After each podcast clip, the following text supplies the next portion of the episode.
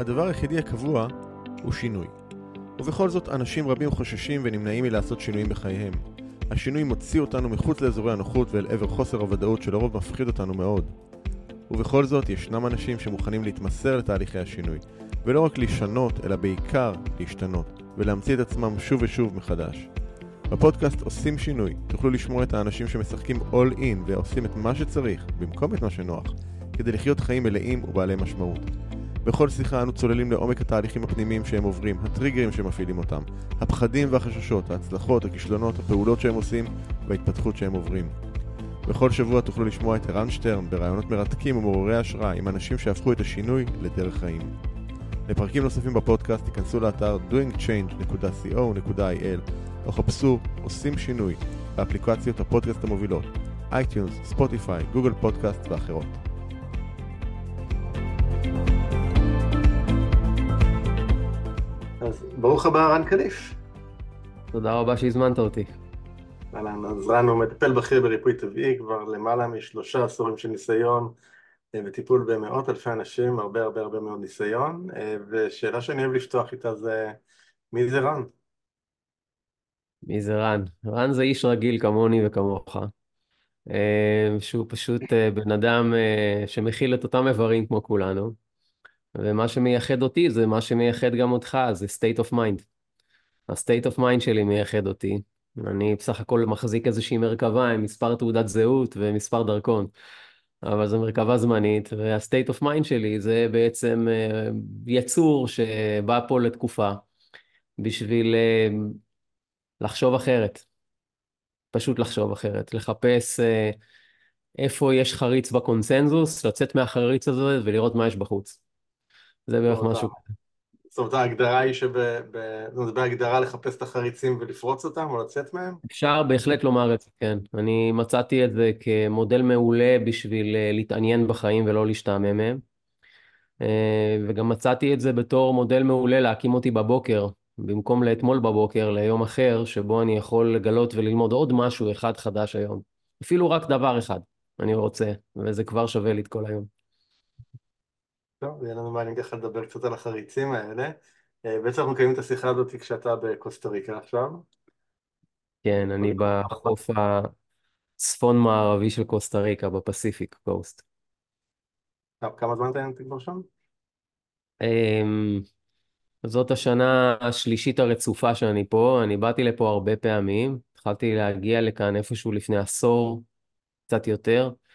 וככל פעם שהגעתי, אז זה, זה התחיל להימתח מפעמים של שלושה שבועות לפעמים של שלושה חודשים וארבעה חודשים, ובאיזשהו שלב אה, הרגשתי פה מאוד מאוד בבית ועשיתי שינוי. מה, מה היה המניע לעבור לשם, מכל המקומות בעולם דווקא? הייתי בהרבה מקומות בעולם. אני חושב שחוץ מהגוש המזרחי של אירופה, אה, מדינות ערב ו... ואולי הגוש של סין, אני הסתובבתי בכל מקום כמעט, ו... וזה מהמקומות האלה שאיך שאתה מניח את הרגל בהם, אתה מרגיש בבית, אתה אפילו לא יודע למה. זה כמו שנכנסת לאיזשהו בית של בן אדם שאף פעם לא היית אצלו, לפחות לפי הזיכרון שלך. ואתה מיד מרגיש בבית, זה, אתה, זה כמו מישהו שלוחץ לך את היד, מסתכל לך בעיניים ואתה רק רוצה להישאר איתו. זה מין כזה דבר, זה לא משהו שהוא אה, הגיוני, זאת אה, הרגשה, זאת הרגשה. זה פשוט הרגשה טובה, וכשעמדתי פה על איזה גבעה והסתכלתי לנוף והרגשתי על הגבעה הזאת שזה הבית שלי, אז אה, את ההרגשה הזאת אין לה, אין לה מחיר, אני תמיד אומר אה, בואו תמכרו לי, זה לא חשוב באיזה סכום אני קונה כי זה תמיד בזול. אין מחיר להרגשה טובה. אז זה, זה פחות או יותר, אפשר לומר, מה שלקח אותי למקום הזה. כתבת לי שם, ככה בהכנה ששלחת לי לפני, שאתה ממשיך במס, במסעך לתוך האמת. זו שאלה שככה מיד קפצה לי, אז אז מה זו האמת? איזו אמת? כאילו... אמת, אני באיזשהו שלב גיליתי בחיים ש, שאמת זה דבר אישי. אין אמת אחת ואין דבר כזה אמת מוחלטת, ועל כל אמת שגילית יש גדולה ממנה, היא מחכה לך מעבר לפינה. ו, ובשבילי, כשאני שואלים אותי מה זאת אמת, אמת זה, זה ניסיון. זה משהו שחשבת אותו כחלום, כ... כחזון, התנסית בו, למדת אותו על בשרך, עברת חוויה בלתי אמצעית, וזה הפך להיות ידיעה וחוכמה שהיא רק שלך. אי אפשר לקחת לך את זה. וזה לא משנה בכלל מה יגידו, ומישהו אחר איזה דעה יש לו על זה. ברגע שאתה עברת את זה בעצמך, אה, זה שלך וזה לנצח, וזה הופך להיות כלי, אה, יכול להיות גם כלי רב עוצמה בהמשך דרך שלך. זאת האמת מבחינתי, זה נקרא אמת. ו... אה, אז בהגדרה לכל אחד תהיה את האמת שלו, לפי ההגדרה הזאת. מה? אז אומר, אז בהגדרה, לכל, לפי ההגדרה הזאת, אז בהגדרה לכל אחד תהיה את האמת שלו.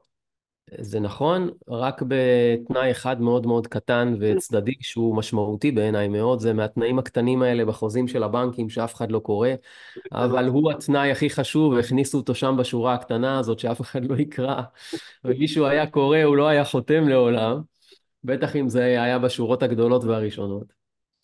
זה שרובנו הגדול, אמ, ואני הייתי בתוכם הרבה שנים, אמ, עשה תארים, למד באוניברסיטאות, אה, חבש כיסאות ועשה מבחנים על חומרים שהוא מעולם לא בדק אותם, לא חווה אותם, לא ניסה אותם על עצמו, לא הלך ובדק אותם באופן בלתי אמצעי, הוא קיבל אותם כמו שהם.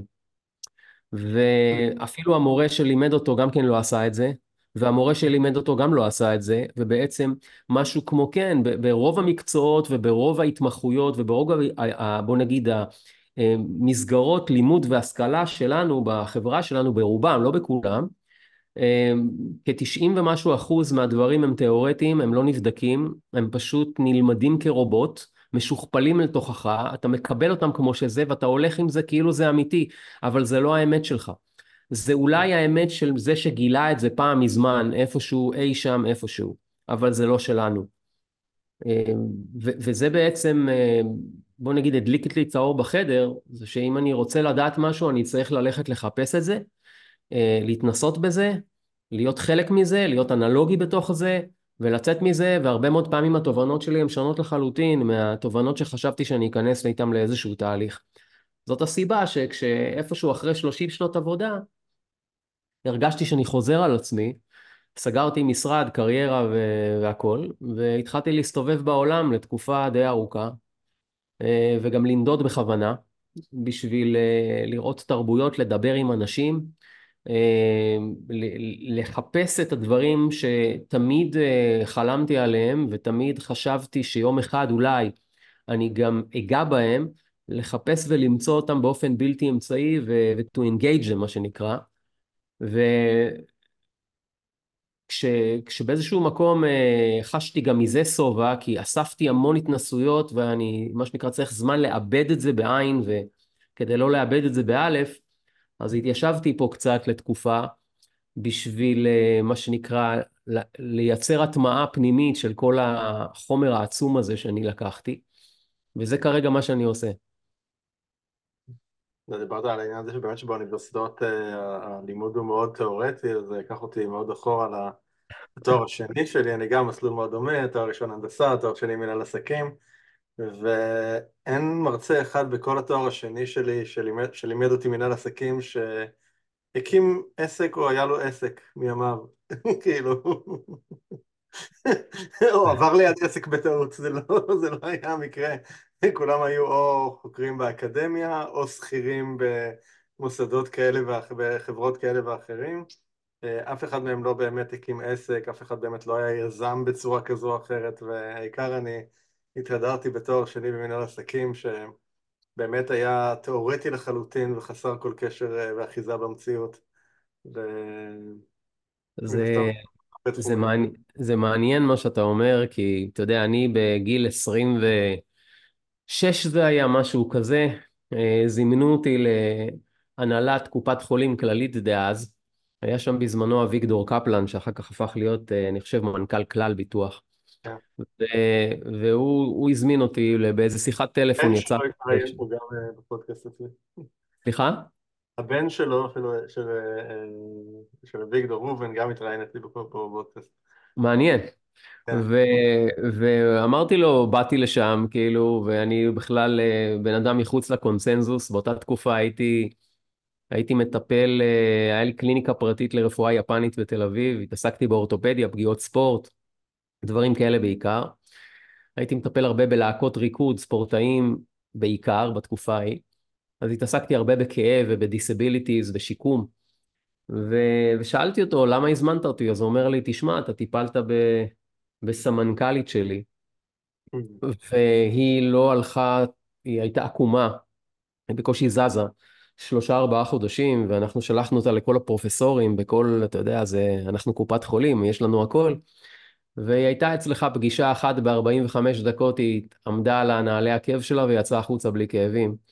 ואז היא באה אליי ואומרת לי, תקשיב, זה ממש מביש. מצד אחד אני שמחה שאני מרגישה נפלא, מצד שני, מה, מה קרה כאן בדיוק? מה, מה אנחנו לא יודעים לעשות? ואז uh, הוא אומר לי, אני, אני רוצה שתקים פה מערכת שלמה שתלמד אנשים לעשות מה שאתה עושה. וואו. אז אמרתי לו, אני יכול לעשות את זה, אבל אני לא איש עסקים. אתה מדבר פה על עסק, והוא עסק גדול. אז הוא אומר לי, אה, אתה תהפוך להיות איש עסקים עם הטעויות שנעשה יחד. ו... והנה לך חשבון כמעט פתוח, בוא תתחיל לעשות טעויות ואני אעזור לך. ו... ומה שקרה זה שהפכתי להיות לתקופה, כמעט עשור, איש עסקים לצורך העניין, אה, כי להקים מערכת כזאת זה מסובך, וכשיצאתי ממנו היו שם מאות עובדים. התחלתי עם עצמי, ו... ולבנות את זה, אז, אז באיזשהו מקום, אני מאוד מזדהה עם מה שאתה אומר, כי כל האנשים שבאמת אה, באמת עזרו לי במערכת הזאת, היו אנשים מהשוק המעשי, ולא מעולם האקדמיה.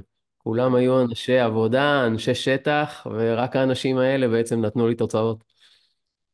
כן, זה, אני חושב שזה משהו שלפחות אני כאילו, אחרי הלימודים, הייתה לי איזה מין התפכחות מאוד אה, קצת כואבת אפילו מההיבט הזה של כאילו, אז בשביל מה בעצם למדתי, אתה יודע, שבע שנים השקעתי בלימודים אקדמיים, אקדמיים, כאילו, אז, אז מה, במה זה הועיל? וכאילו אפשר להגיד, כן לקחתי מזה דברים של, אתה יודע, איך ללמוד וכל מיני דברים כאלה, זה, אה, אתה יודע, יותר ברמה של, פחות ברמה של הידע, אלא יותר באמת ברמה של התנהלות ודברים כאלה, אבל אה, יש פה באמת, אני חושב, סימן שאלה, בטח לאנשים, לחבר'ה צעירים של היום, האם באמת ועד כמה הלימודים הם בעלי ערך עבורם.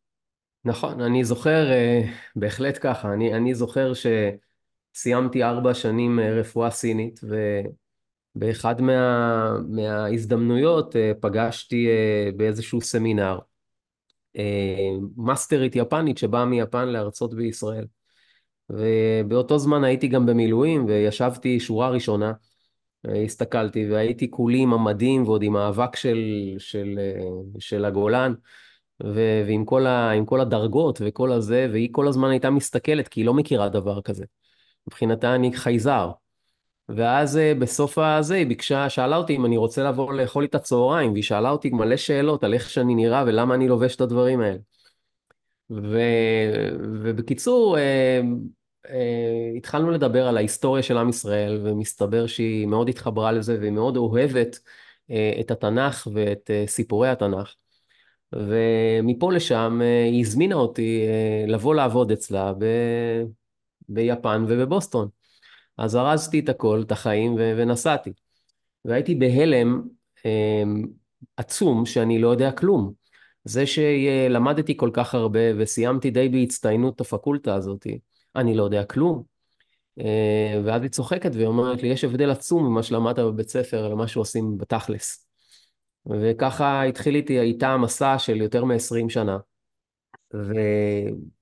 ולכן בסופו של דבר עם התובנות האלה שחזרתי חזרה לישראל באמצע שנות ה-90, אז uh, החלטתי להקים מרפאה שהיא מרפאה לימודית, זה אומר שאני מקבל בכל שבוע לפחות איזה משהו כמו שבעה שמונה אנשים, ואני מלמד אותם את המקצוע הזה מאפס, אבל בתכלס.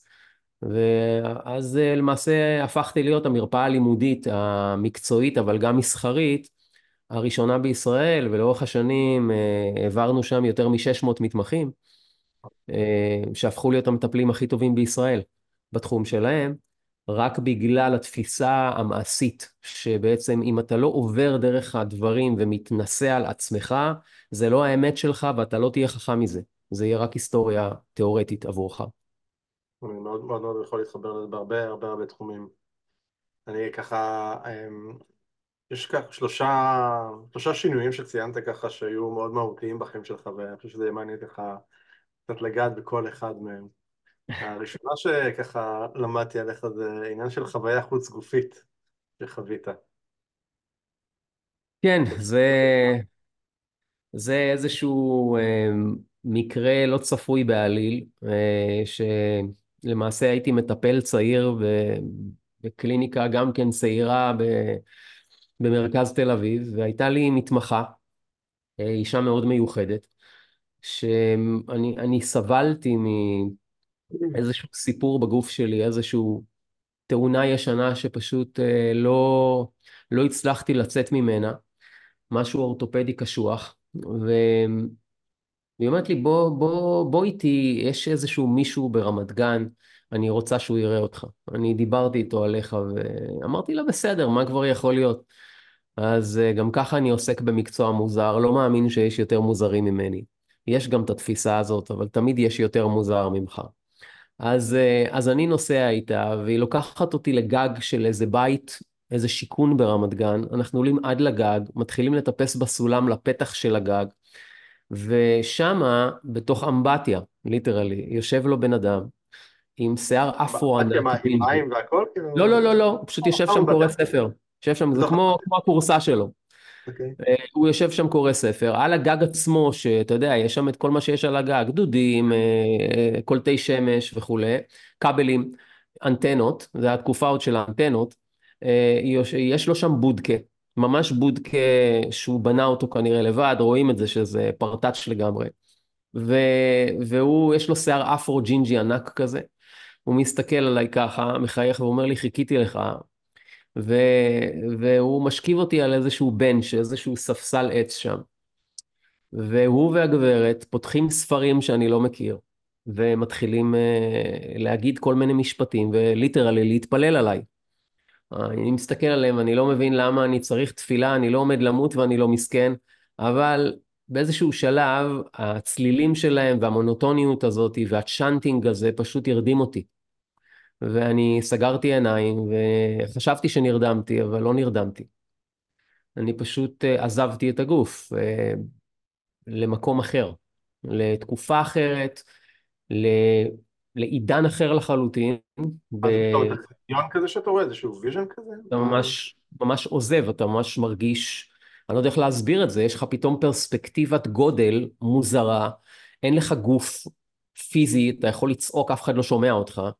אמ, אתה רואה את אותם מזווית גבוהה ואחר כך הם נעלמו ומצאתי את עצמי על איזשהו הר אמ, כפי הנראה לפחות מהנופים שאני מכיר אותם מהיום של צפון יפן אה, בבגדים של אין כאלה בגדים אבל אה, זה בגדי כותנה לבנים פשוטים כאלה והכל מסביב זה מבנייה כפרית מאוד מאוד בסיסית ומאוד ישנה, ו, ואני ממש עושה שם דברים עם הגוף שלי, כמו משהו שהיה נראה לי כמו, כמו סיקוונסים של טאי צ'י, וזה נמשך ונמשך ונמשך, אני לא יודע, אני איבדתי את הזמן, אה, ובאיזשהו שלב הרגשתי כאילו איזה, כמו חשמל שעובר בי, אה, וזה קרה לי חזרה כנראה לגוף שלי, פשוט מצאתי את עצמי נדבק חזרה ועוד פעם אני מרגיש כוח משיכה ואת הידיים שלי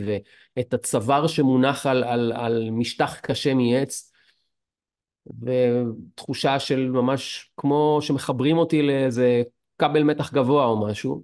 זה לא כואב אבל זה לא נעים בכלל ואז פתחתי את העיניים והם שניהם מסתכלים עליי ככה שניהם אני מסתכל עליו, הוא פתאום לא נראה לי בכלל מוזר, קודם הוא היה נראה לי מאוד מאוד מוזר, היה לי עליו מלא ביקורת על איך שהוא נראה ואיך שהוא מדבר. לא שזה אשמתו או משהו, זה היה רק התפיסה שלי. ועכשיו הוא לא נראה לי מוזר בכלל, הוא לא נראה לי כמו חבר. הוא מסתכל עליי, מחייך, הוא אומר לי, הלכת רחוק, אה? וכן, וכשאני קם, אז אה, אני, אני פשוט לא מרגיש את, ה, את הנזק האורתופדי הזה שהיה לי בכתף בכלל. וזה משהו שניסינו לטפל בכל כך הרבה צורות, כולל כל כך הרבה אלמנטים גם מודרניים.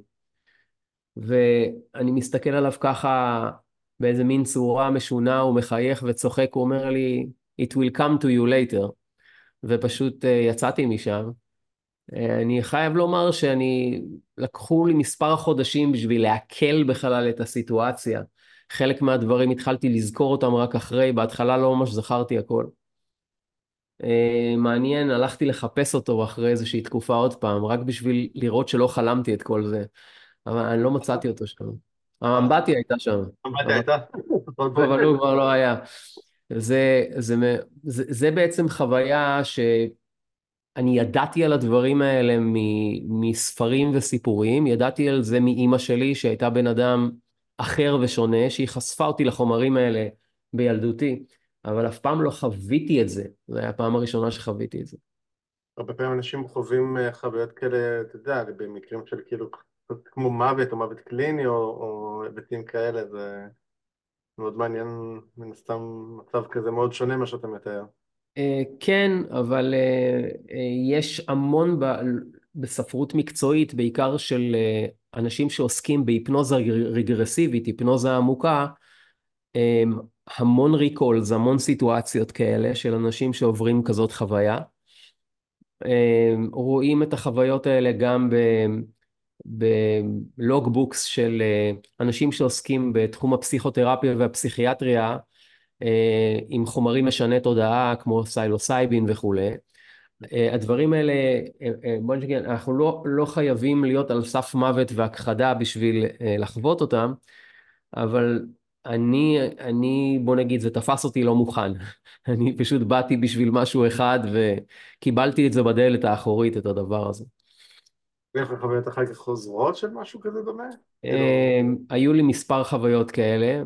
אה, אחת מהן הייתה חוויה שנוצרה על ידי פעילות שלי עצמי, שגם כן לא ציפיתי להגיע למקום הזה. הגעתי לקוסטה ריקה, זה היה לפני, אני חושב, שש שנים. באתי לפה אה, לחודשיים, חודשיים וחצי, ומה שעשיתי כל היום זה גלשתי גלים, עשיתי יוגה ועשיתי מדיטציות. זה מה שעשיתי כל היום, בלופ. יש בזה איזה ניקיון מוח, שטיפת מוח, איזה סוג של שינוי רדיקלי בתוכך.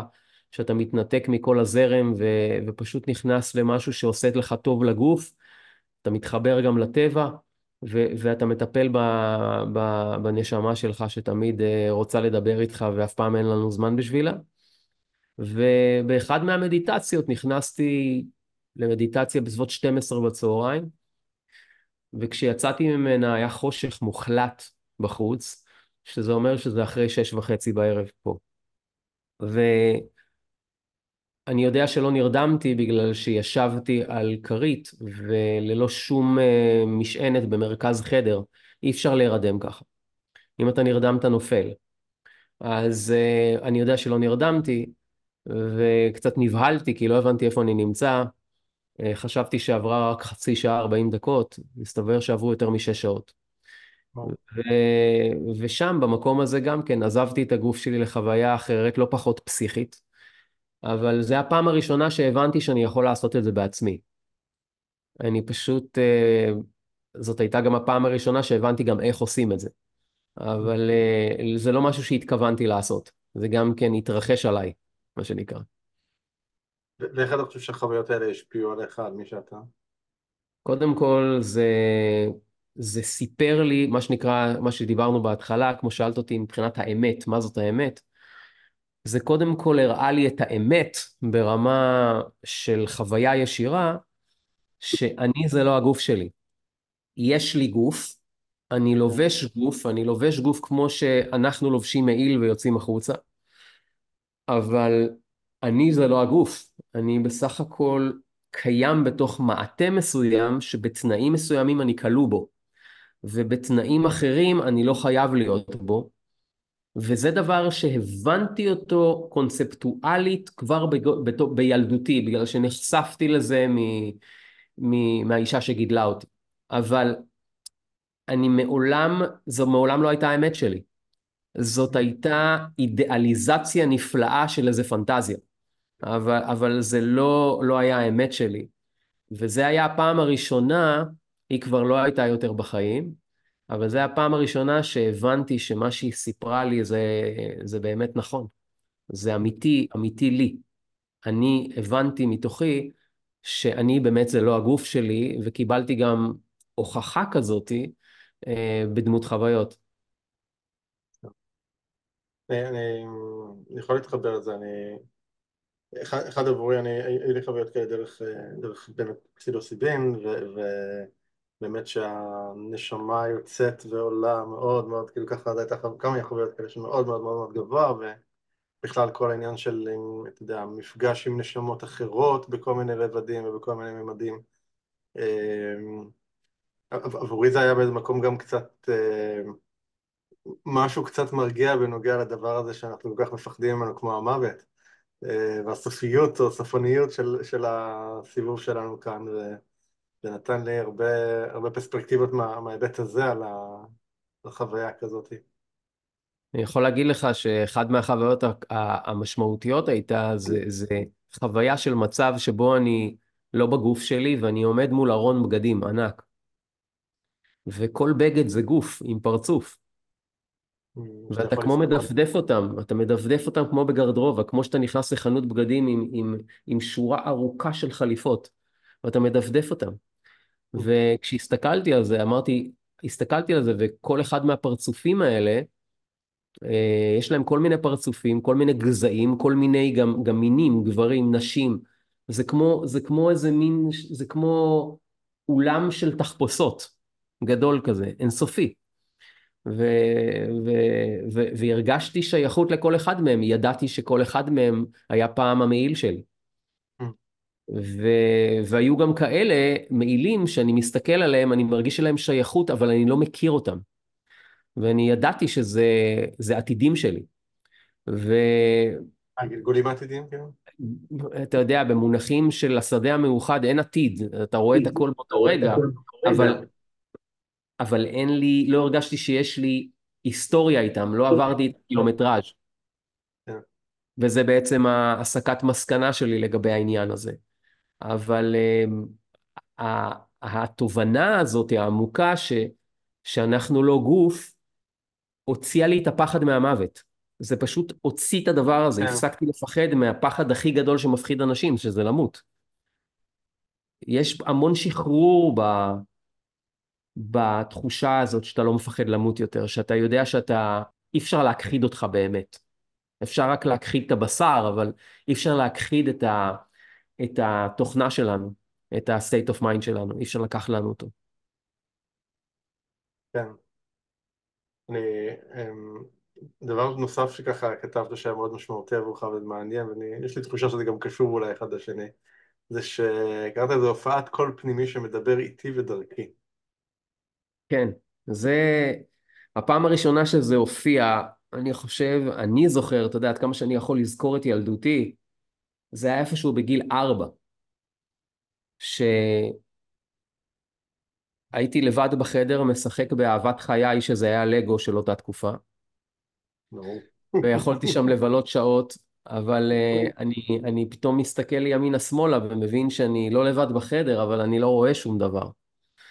ואני מבין שהקול הזה הוא לא נמצא לידי, הוא לא מעליי, הוא לא מאחוריי, הוא לא מתחתיי, הוא נמצא אצלי, בתוכי, כי הוא פשוט זז איתי לכל מקום. ו...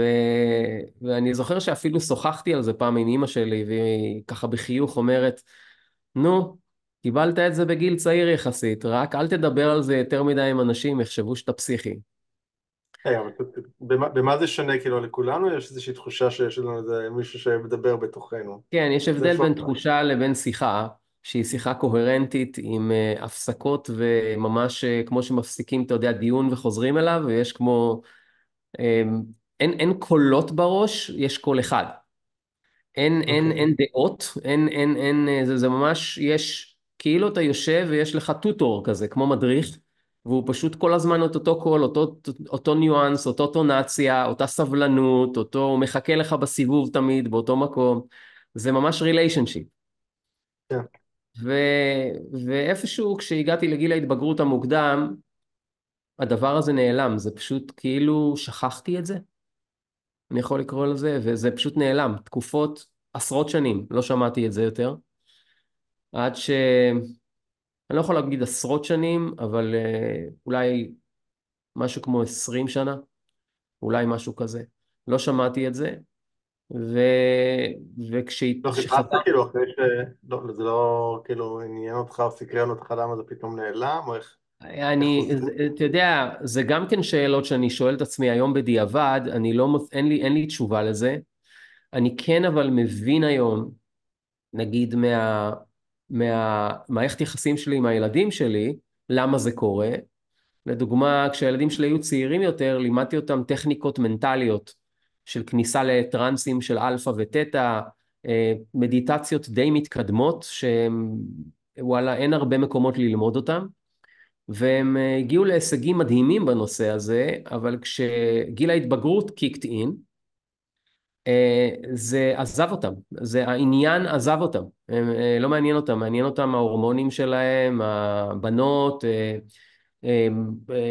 גלים, מכוניות, דברים כאלה, כן, כן, וחבר'ה, מה שנקרא להיות עם חבר'ה, ו, וכל מיני גירויים חיצוניים בעיקר, ואני מבין את זה, אני דרכם הבנתי גם מה קרה לי. ובאיזשהו שלב, כשחזרתי ממסעותיי במזרח הרחוק ובאירופה ובארצות הברית, מכל לימודיי, והתחלתי להיות פעיל בתחום הרפואי בישראל, התחלתי לראות אנשים עם כל מיני מחלות שמה שנקרא אלוהים ישמור, ולפעמים הייתי מרגיש עובד עצות, ואז הקול הזה הופיע. הוא עוד פעם בא. הוא היה מנחה אותך? אני יכול להגיד שכן, לפעמים זה היה במילים, ולפעמים הייתי פשוט מוצא את עצמי עושה דברים שאני לא יודע למה אני עושה אותם. פתאום הרגשתי שמישהו שולט לי על הידיים, על הזה, ואני פשוט עושה דברים שאני לא עשיתי אותם קודם, אבל במיומנות רבה. ואז אה, לפעמים אחד המתמחים אומרים, מה זה הטכניקה הזאת? אנחנו לא למדנו את זה. אמרתי לו, הנה לך. אתה יודע, לא, אפילו לא היה לי אפילו מה להגיד על זה. אמרתי לו, הנה לך, הנה עכשיו אתה לומד. ואמרתי לעצמי בראש, גם עכשיו אני לומד. וכן, ובוא נגיד ההקשבה הזאת לקול הפנימי המעניין הזה, שהוא עד היום היום איתי, אמ, לקחה אותי למקומות קסומים ונפלאים, אני חושב שחלק עצום מהיכולת שלי לסייע וללמד אנשים לסייע לעצמם, זה בזכות התבונה הזאת או האינטליגנציה הזאת ש, שמלווה. והיום אני יודע יותר מאי פעם שזה בעצם אני בעצמי, רק שזה אני בלי האישיות שלי. זה כאילו החלק שאין לו אישיות. האגו בלי האישיות שלך. דמיין לעצמך שבעצם זה ש, שמאפשר לנו לחיות, שאם הוא עוזב אותנו, אנחנו מוטלים כמו גל של בשר על הרצפה, ארוחה של משהו. אה, אם הדבר הזה עוזב אותנו, אנחנו, אין לנו שום, שום כלום, הגוף עצמו אין לו שום תודעה משלו, אין לו שום, שום אה, ידיעה משלו. זאת מרכבה מכנית מדהימה, אבל היא מרכבה מכנית. ברגע שה-consciousness, התודעה עוזבת, אז, אה, אז הגוף הזה חסר משמעות. החיבור של התודעה עם הגוף יוצר איזו סינרגיה של מה שאנחנו קוראים לו זהות אישית פה במקום הזה. והזהות האישית הזאת חייבת להתחבר כדי ליצור, ליצור ממשק עם העולם הזה, היא צריכה להתחבר לחמשת אבני המציאות, לאנשים, מקומות, זמנים, אירועים, חפצים. אם היא לא תתחבר לזה, אין, אין לנו כאן, אין לנו כאן כלום. כל האינטראקציה שלנו, אפילו השיחה הזאת, היא באמצעות uh, ציוד ובאמצעות איתך ואיתי. אה, על בסיס ציר של זמן מסוים, תחת אירוע מסוים שקבענו בימים. אנחנו לא נתחבר לתוך המטריקס הזה, אנחנו מנותקים פה מהמקום הזה. האנשים שלא מתחברים לזה, אנחנו קוראים להם מעופפים, מנותקים או מאושפזים, אוקיי? ואם מסתובבים בעיר, תוך עשר דקות הם נדרסים, או פחות, אוקיי? אז, אז, אז יש אבל חלק בתוכנו שהוא נשאר נקי מכל זה, הוא לא גבר או אישה, הוא לא רעב, הוא לא עצבני, הוא לא כועס, הוא לא עייף, הוא לא צריך לשירותים. יש איזה חלק בתוכנו שהוא מעל כל הקיום הפיזיולוגי שאנחנו מבינים אותו. אבל הוא לא נפרד מאיתנו. אנחנו, בגלל שאנחנו כל כך מזהים את עצמנו עם הגוף ועם גוף הדברים סביבנו, אנחנו יצרנו הפרדה מסוימת בין הרוח שלנו לאישיות שלנו. אבל ההפרדה הזאת היא, היא הפרדה מעושה בעין, היא מעושה בסין, היא לא אמיתית. אנחנו הפרדנו את עצמנו מהכוח העיקרי שמחיה אותנו, ואנחנו רצים פה כל היום ומחפשים את עצמנו ומתאמצים נורא, כאשר אם רק נקשיב לדבר הזה, יהיה לנו הרבה יותר קל. אבל זה, זה, זה אולי, אני, אני, אני חושב שבעצם מה שאתה מתאר כאן זה אולי ה... אחד המאבקים הפנימיים הכי גדולים ש... שיש לנו כבני אדם, זה באמת ה... היכולת רגע באמת להתחבר אל עצמי ול... ולסמוך על עצמי ולבטוח בי, ו... וזה נורא קשה כשמבחוץ קורה כל כך הרבה, מתרחש כל כך הרבה שיט שאנחנו מנסים ליישר קו מולו, או, או מושפעים על פי ממנו, או משועבדים לו, אתה יודע, אפשר להסתכל על זה בכל מיני רמות. נכון, נכון. הנה תראה, הילדים שלי, כשלא היה להם טלפון סלולרי ולא היה להם מחשב ולא היה להם אייפד, הם היו קטנים. אז היה להם מאוד מאוד קל להתנתק, הייתי אומר להם סגור עיניים, היינו נכנסים למקום שקט, ו- והילד היה עף, הוא היה עף. ואז אני אומר לו, אה, תגיד לי, מה יש ביד של אח שלך שנמצא לידו, שמחזיק איזה חפץ, והוא מיד אומר לי מה יש לו ביד. אה, ו- ומה הוא צייר עכשיו על פתק, והוא מיד אומר. אה, למה? כי הוא, הוא, הוא לא צריך עיניים עכשיו בשביל לראות, והוא לא צריך אוזניים בשביל לשמוע. אבל ברגע שאנחנו התחלנו להתחבר למסכים, לגירויים, יש לנו לוז, אה, יש לנו אה, אחריות, יש ציפיות, יש פחדים, יש תקוות, לא. חששות, אנחנו פיזרנו, מה שנקרא, מסרנו את הכוח המנטלי שלנו, את המיקוד שלנו למלא מלא דברים. יש לנו היום מה שאנחנו קוראים לו מיקוד מפוצל. ובגלל זה, הכוח המנטלי שלנו ברובו לא אצלנו. כשאני עברתי לדוגמה לקוסטה ריקה, לכאן, יש לי היום פה הרבה פחות גירויים כאלה. המקום הוא הרבה יותר סטטי, הוא הרבה יותר um, שקט, הוא פחות משתנה, ואם uh, אני בסך הכל עושה אוף או שם את הטלפון שלי על מצב טיסה, אני יוצא פה החוצה ואני מיד עברתי לפרה-היסטוריה, בשנייה. אני שם את עצמי על איזה פינה כאן, סוגר עיניים ואני, ואני עף. אה, וכשאני הייתי בתוך, ה, בתוך ה, מה שנקרא הסימביוזה הישראלית, כש, כשהייתי איש משפחה, איש קריירה, איש אקדמיה, זה היה מאוד מאוד קשוח לעשות את זה. כן. אז מה, מה באמת יכול לעזור לנו באמת, כמו שאמרת, כדי להשיג את הכוח שלנו בחזרה בתוך קודם כל, שהיא מאוד כן, מורכבת. נכון, נכון. אני לא, רק לפני שלושה ארבעה ימים עשיתי ערב פתוח גדול שקראו לזה על, על ידיעה וריבונות. איך, איך, איך להשיג חוסן בזמנים מסוכנים כאלה. אמ, שהסכנה העיקרית זה גנבת התודעה, זה, זה בעיניי הסכנה העיקרית, כי כל שאר הדברים אפשר להחזיר, הכל אפשר, אפשר למצוא, אבל את ההכרה, את התודעה שלנו, זה ה-preciousness, מה שנקרא, זה, אני קורא לזה הנכס האמיתי שלנו, כי הכל נברא במחשבה. אם גנבו לנו את המחשבה, או, או, או לקחו לנו את היכולת להתמקד במחשבה שלנו מתוכנו, לקחו לנו את היכולת לברוא לעצמנו חיים.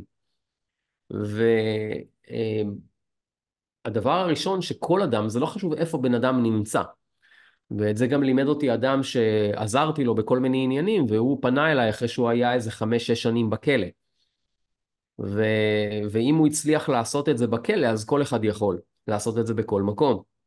הדבר הראשון שאנחנו צריכים לעשות זה להגדיר איזה פעמיים ביום ש... של הזמן שהוא שלנו. מה זה שלנו? אנוכיות מוחלטת, אני קורא לזה. אנוכיות מוחלטת. רוב הזמן האנשים הם עוסקים בלמסור את עצמם למשהו.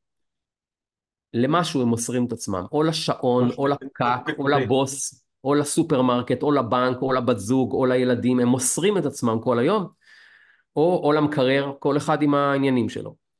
אבל אה, אה, מעט מאוד אנשים מחזירים את עצמם לעצמם פעם ביום, פעם ביומיים, פעם בשבוע.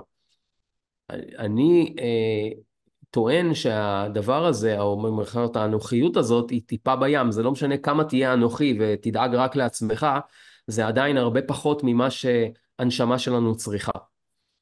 ואם בעבר אנשים היו הרבה פחות מחוברים לפיד, אני קורא לזה, ממה שהיום אנשים מחוברים לפיד. היה להם פחות חפצים, הם הכירו פחות אנשים, הם היו בפחות מקומות, הלוח זמנים שלהם היה הרבה יותר דליל.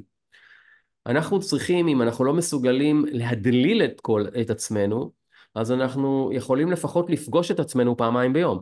ובפעמיים ביום האלה אנחנו סוגרים טלפונים, סוגרים מסכים, סוגרים דלת, הולכים לאיזה, או שהולכים לאיזה מקום מאוד שקט. אנחנו סוגרים את העיניים, ואנחנו לא עושים כלום. פשוט לא עושים כלום. רק, רק הפעולה הזאת, אני אפילו לא מדבר על טכניקות של כניסה לטראנס, טכניקות של, של מעבר במוח לאזורים, אפילו לא נכנסים לזה. אנשים שלא מסוגלים לקחת עצמם חצי שעה, לסגור עיניים ולהתנתק מהכל, לא יוכלו גם לעשות שום דבר יותר מתקדם. זה basic.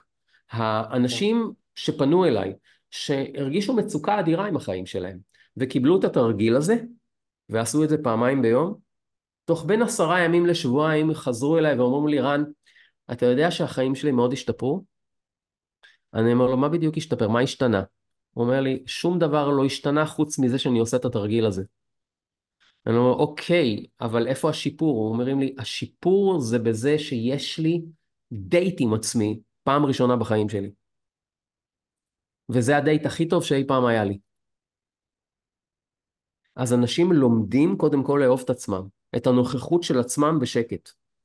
בהתחלה זה לסבול את עצמם, אחר כך זה להתרגל לעצמם, אחר כך זה לאהוב ולקבל את עצמם. יש להם פתאום שיחות עם עצמם, יש להם מערכת יחסים אינטימית אמיתית. פעם ראשונה, רק בגלל הדבר הפשוט הזה. ומתוך הדבר הזה צומחים דברים נפלאים, אנשים פתאום מבינים מה זה נקרא טוב לי ורע לי. מה, מה אני באמת רוצה מהחיים שלי? יש להם דייט עם עצמם, יש להם דייט עיוני עם עצמם. וזה לא חשוב מה מסתובב להם בראש, זה רק בינם לבין עצמם, בלי הפרעות. וההרגל הזה של לבוא לפגישה הזאת פעמיים ביום, מייצר אינטימיות פנימית. זה משהו שהוא, מה זה אינטימיות? זה into me, תחשוב, אינטימי, into me זה לתוכי. והדבר הזה חינם. אנחנו לא צריכים לשלם לאף פסיכולוג, אנחנו לא צריכים למצוא חנייה. אולי פה הבעיה. אולי פה הבעיה, בגלל שאנחנו לא מש... בגלל שזה נגיש לכולם וזה בחינם. נכון. אני תמיד אומר ש... אני, אני תמיד אומר שהאהבה, האהבה הראשונה היא אהבה לעצמך, וזאת אהבת חינם. ו, ומי שלא עובר את ה... במרכאות משוכה הזאת, או את ה... אמ, בוא נגיד אה, אה, דרישת קבלה הבסיסית הזאתי, למקום הזה שנקרא לאהוב, הוא לא יכול להגיע למחוזות אחרים, גבוהים יותר. כי הוא לא מסוגל להחזיר את הכוח שלו הביתה. כי אדם שקשה לו להיות עם עצמו, קשה לו להיות עם עצמו בנוכחות אנשים, חפצים, מקומות, דברים, זמנים ואירועים. אז השיעור הראשון זה קודם כל להיות עם עצמך וליהנות מעצמך ולאהוב את זה בנוכחות אתה בעצמך, וזה הכל. זה כיתה א'. תגיד, מה, מה, מה היה המניע מבחינתך לכל השינויים שככה אתה עברת בחיים? מה, מה היה הדבר הזה עבורך? המניע, היו, היו כמה מניעים. היו מניעים פיזיים, ושאני חושב עד היום שהם מבורכים. ראיתי אותם פעם כצרות ובעיות, ורק רציתי שיקחו אותם ממני. והיו מניעים רגשיים, אה, שאני חושב שהם היו יותר קשים מהמניעים הפיזיים. המניע הפיזי, אה, הם היו כאבים של גוף, כאבים פיזיים בגוף, כאבי גב, אה, קשיחות בגוף, ממש נוקשות, קיבוצים כרוניים, לתקופות כאבי ראש, לתקופות צרבות, כאשר הכאבי גוף עצמם, הכאבי גב, הקשיחויות, התקיעויות האלה, הפיזיות, היו הכי הכי נפוצות בחיים שלי, וזה לא היה כל החיים שלי, זה היה לתקופות שבהן היה urgency, היה דחיפות לשינוי, ואני הייתי מתנגד לשינוי.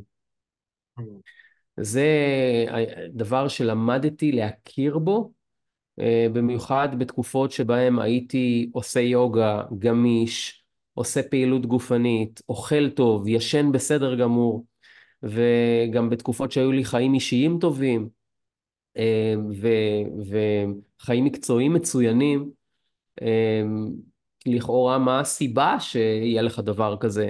אתה רזה, אתה גמיש, אתה פעיל, אתה עושה פעילות גופנית, אה, יש לך סך הכל סביבה שהיא מאוד מאוד תומכת ו- ו- ואתה מצליח במה שאתה עושה, למה שתסבול?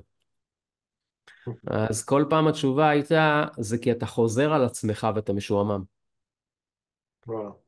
אתה מתעורר כל יום לאתמול בבוקר, אתמול בבוקר נפלא ומדהים, אבל זה משהו שכבר עשית.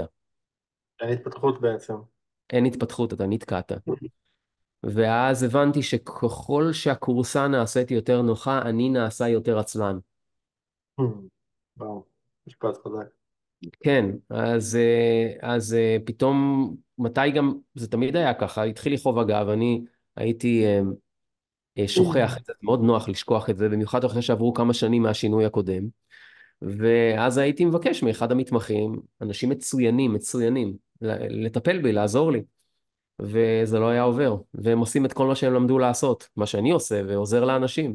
וזה לא, לא מזיז, וכשזה לא מזיז, אז היה, עברו כמה, תמיד היו עוברים כמה ימים, אז היה יורד לי האסימון.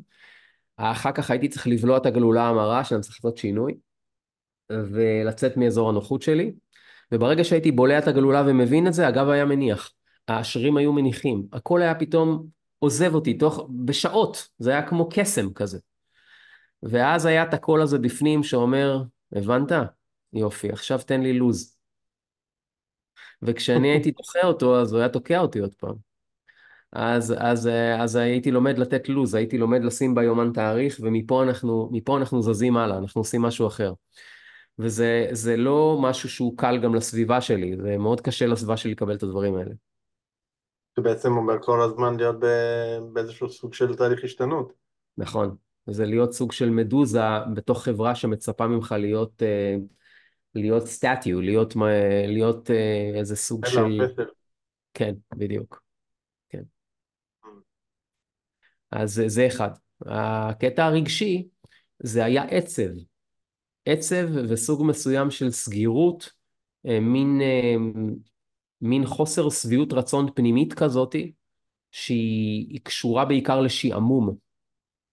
ואתה מוצא את עצמך אה, מגיע נגיד לחברה שהייתי נותן לה ייעוץ, או ניהלתי תקופה שהיא עם המון אתגרים, דברים שהם פורצי דרך, שדברים שמה שנקרא נחשבים פורצי דרך, אה, או שהייתי מגיע למרפאה עם 60 אה, אנשים שרשומים ביומן שצריך לראות אותם היום ב-18 שעות עבודה או 16 שעות עבודה.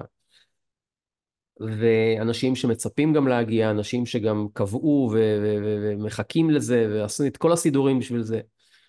ואני נכנס ואני מאוד מאוד יעיל כי אני מאוד מנוסה. ושכל לא חסר, אז, אז אנחנו עושים את העבודה הנפלאה ובאמת אנשים יוצאים נהדר ואנשים סביבי רק מקבלים מזה בלסינג חוץ ממני. והייתי יוצא בסוף יום ו... ושואל את עצמי, אמ, למה, למה אני לא שמח? הרי עשיתי קסמים פה לכל כך הרבה אנשים, לימדתי אנשים, השפעתי סביבי רק טוב, וגם שילמו לי על זה טוב. מה הבעיה? אבל תמיד התשובה הייתה, כי עשינו את זה כבר אתמול.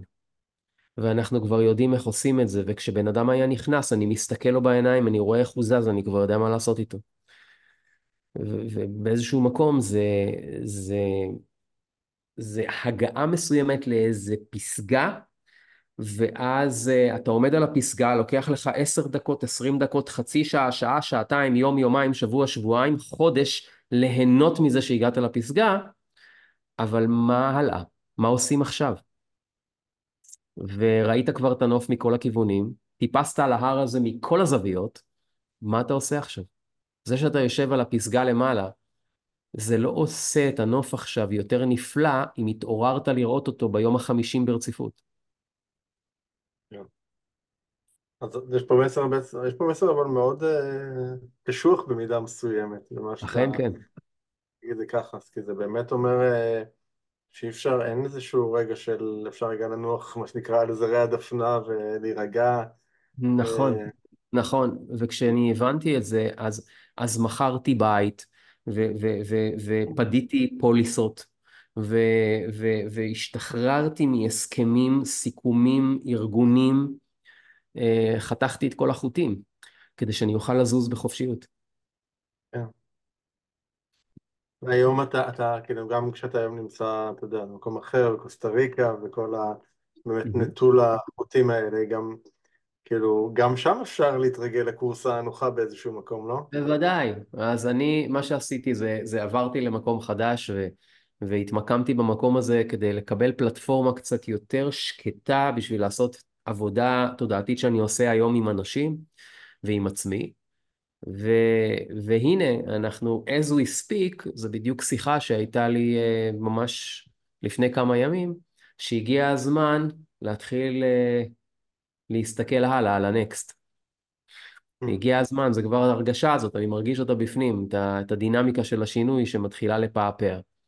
ואני מתחיל uh, לחפש את הנקסט, אני מתחיל... Uh, כמו, כמו חיה שהיא מתחילה, מתחילה למשש ו, והיא אומרת איפה הארוחה הבאה שלי, אז אותו דבר, זה מה שאני כרגע עושה, כי, כי זה מתחיל לפעפע בתוכי.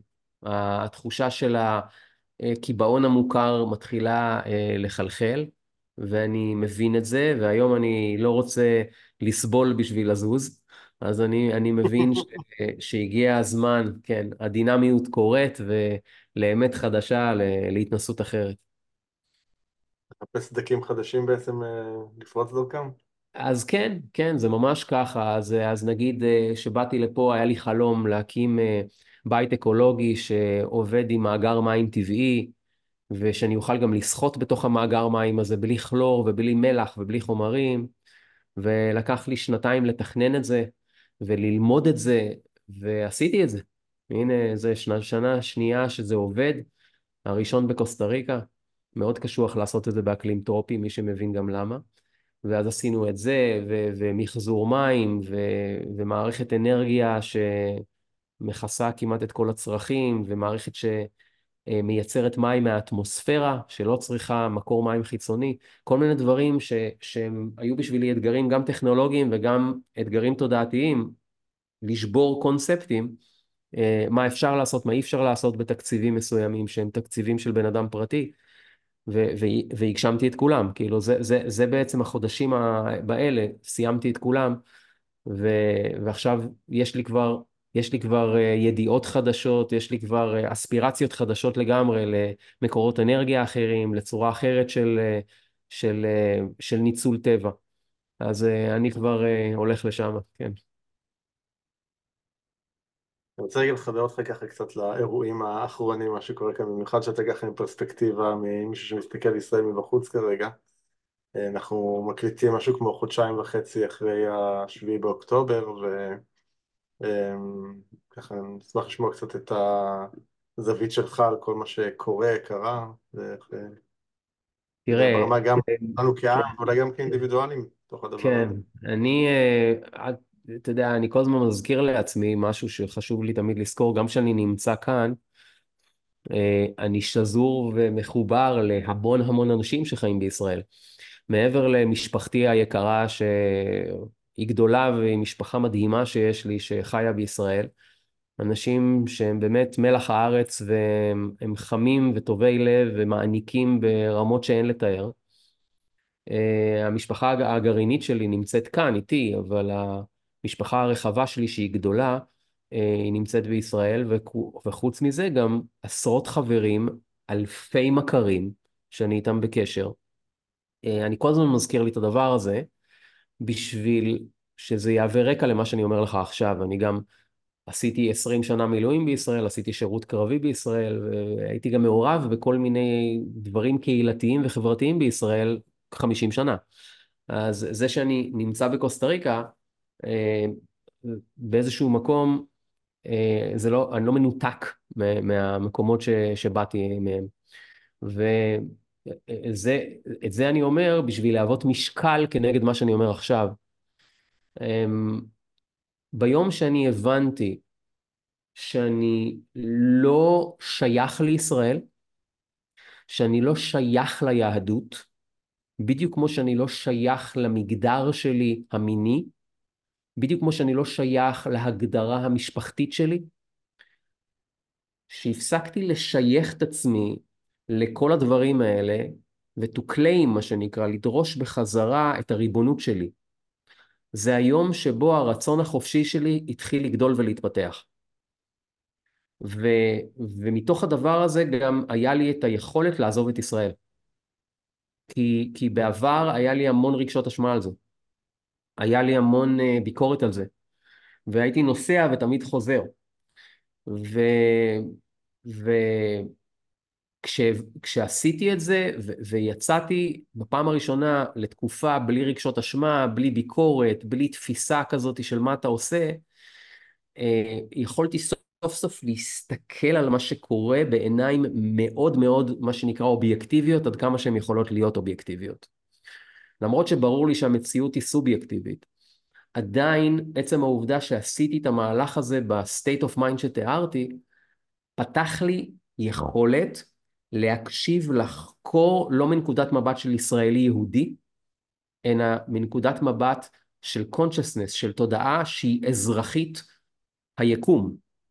זה אומר שאנחנו לא שייכים לשום מקום, וגם לא לגוף שלנו, אנחנו שייכים אך ורק ל state of mind שאנחנו מנהלים. ואז התחלתי לחקור, והתחלתי ללמוד, ו- והבנתי כמה דברים, והבנתי כמה דברים שהם, הם, הם, אני אגיד לך אותם עכשיו, אתה יודע, אחר כך אתה תחליט, אתה יודע, אם תרצה כן לכלול את זה או לא, אבל אני, שאלת אותי שאלה ואני אענה לך בגובה העיניים, כי זה הדבר היחיד שאני מכיר. אמרתי לך בהתחלה, אני לא מפלטר ולא... אה, כן, כן, הכל בסדר, וגם אם זה יפולטר, אני גם על זה אין לי ביקורת, כי אני מבין שהרבה מאוד פעמים יש הבדל מאוד מאוד גדול בין, בין, בין ידע לבין יכולת לקלוט, לקבל ו, ו, ורק פשוט להקשיב לזה, לא מדבר עכשיו בכלל אפילו להגיד מה אנחנו חושבים על זה. יש לפעמים קושי בזה, ו, ואני מבין את זה. אה, אבל, אבל מה שקורה בישראל זה, זה לא ישראל. זאת מערכת של גופים שהתאגדו למה שאנחנו קוראים לו ממשלת צללים, או אם תרצה להגיד, אפשר לקרוא לזה corporation, שמנהל את המדינה הזאת כבר הרבה מאוד זמן, תחת אצטלה של דמוקרטיה. זה גופים כלכליים, צבאיים, מדיניים, גם מחוץ למדינת ישראל, ומי שמבין את זה בתפיסה רחבה מבין שבעצם אין באמת מדינות, זה רק נראה ככה, ועד לפני מלחמת העולם לא היה גם בכלל פספורטים, ויכולת ללכת עם תיק מקצה העולם אחד לקצה העולם אחר, ואף אחד לא היה עוצר אותך, והכל היה בסדר גמור, הייתה עדיין אנגליה, עדיין גרמניה, עדיין ארה"ב ועדיין צרפת. אבל כל אחד יכול היה ללכת לאן שהוא רוצה ולעשות מה שבא לו. לא היו מיסים, ולא היו כמות אינסופית של חוקים שחוקקו לנו באופן היסטרי על בסיס שנתי, ככה שאנחנו לא יכולים לזוז. עכשיו... הכל בעצם למטרות שליטה. הכל למטרת שליטה, למה? כי פעם שאלו אותי את זה. כאילו, אלה שמחזיקים במכונות שמדפיסות את הכסף, שמחזיקים בתוכנות שרושמות שורות על המסך שאנחנו קוראים להם כסף, בשבילם כסף זה no thing.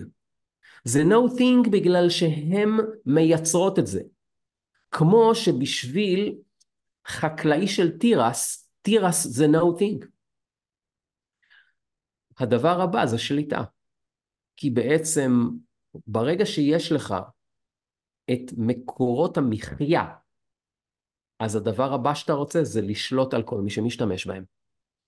ולכן, בשם השליטה, בכל מיני שמות שנתנו לה גם, הביטחון הלאומי שלנו, הבריאות שלנו, כל מיני, נותנים לזה כל מיני אצטלות וכל מיני אג'נדות, מוכרים לנו מדינה חדשה.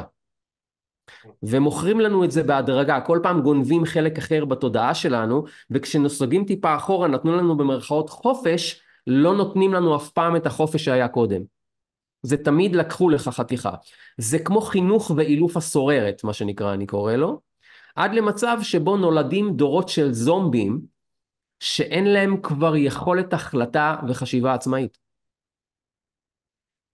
זה מה שקרה בישראל, זה לא קרה רק בישראל, זה קרה, זה קרה וקורה בעוד מדינות, יש כאלה יותר ויש כאלה פחות. אני רוצה להגיד לך איפה ראיתי את זה פחות, עד כמה שאנשים לא חושבים על זה, אבל זה המצב, במדינות ערב. יש לי דרכון ערבי, בגלל uh, אימא שלי, ואני יצא לי להסתובב בכמה מדינות כאלה.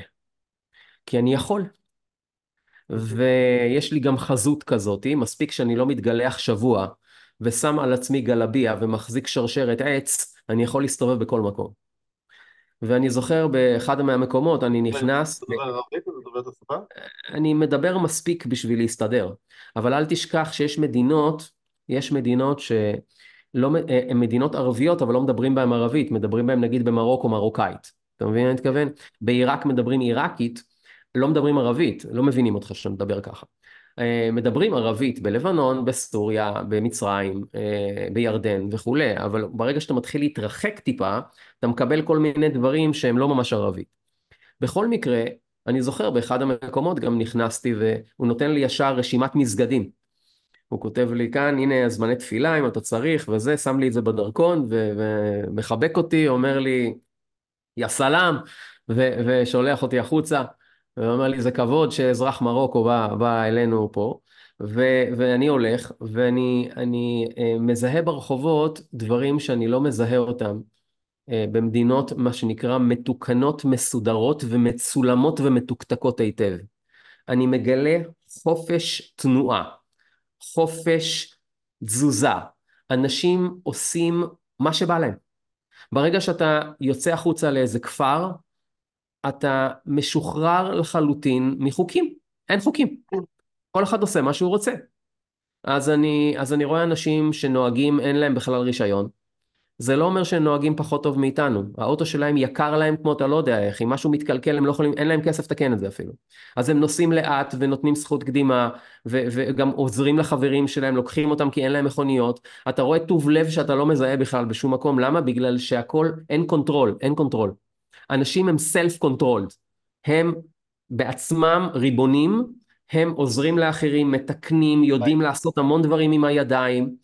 אה, אני הייתי בהלם עד כמה בן אדם בכפרים נידחים, במדינות כאלה, הוא ריסורספול, מה שנקרא, הוא בעל ידע ויכולות לעשות כל מה שאתה רוצה כמעט.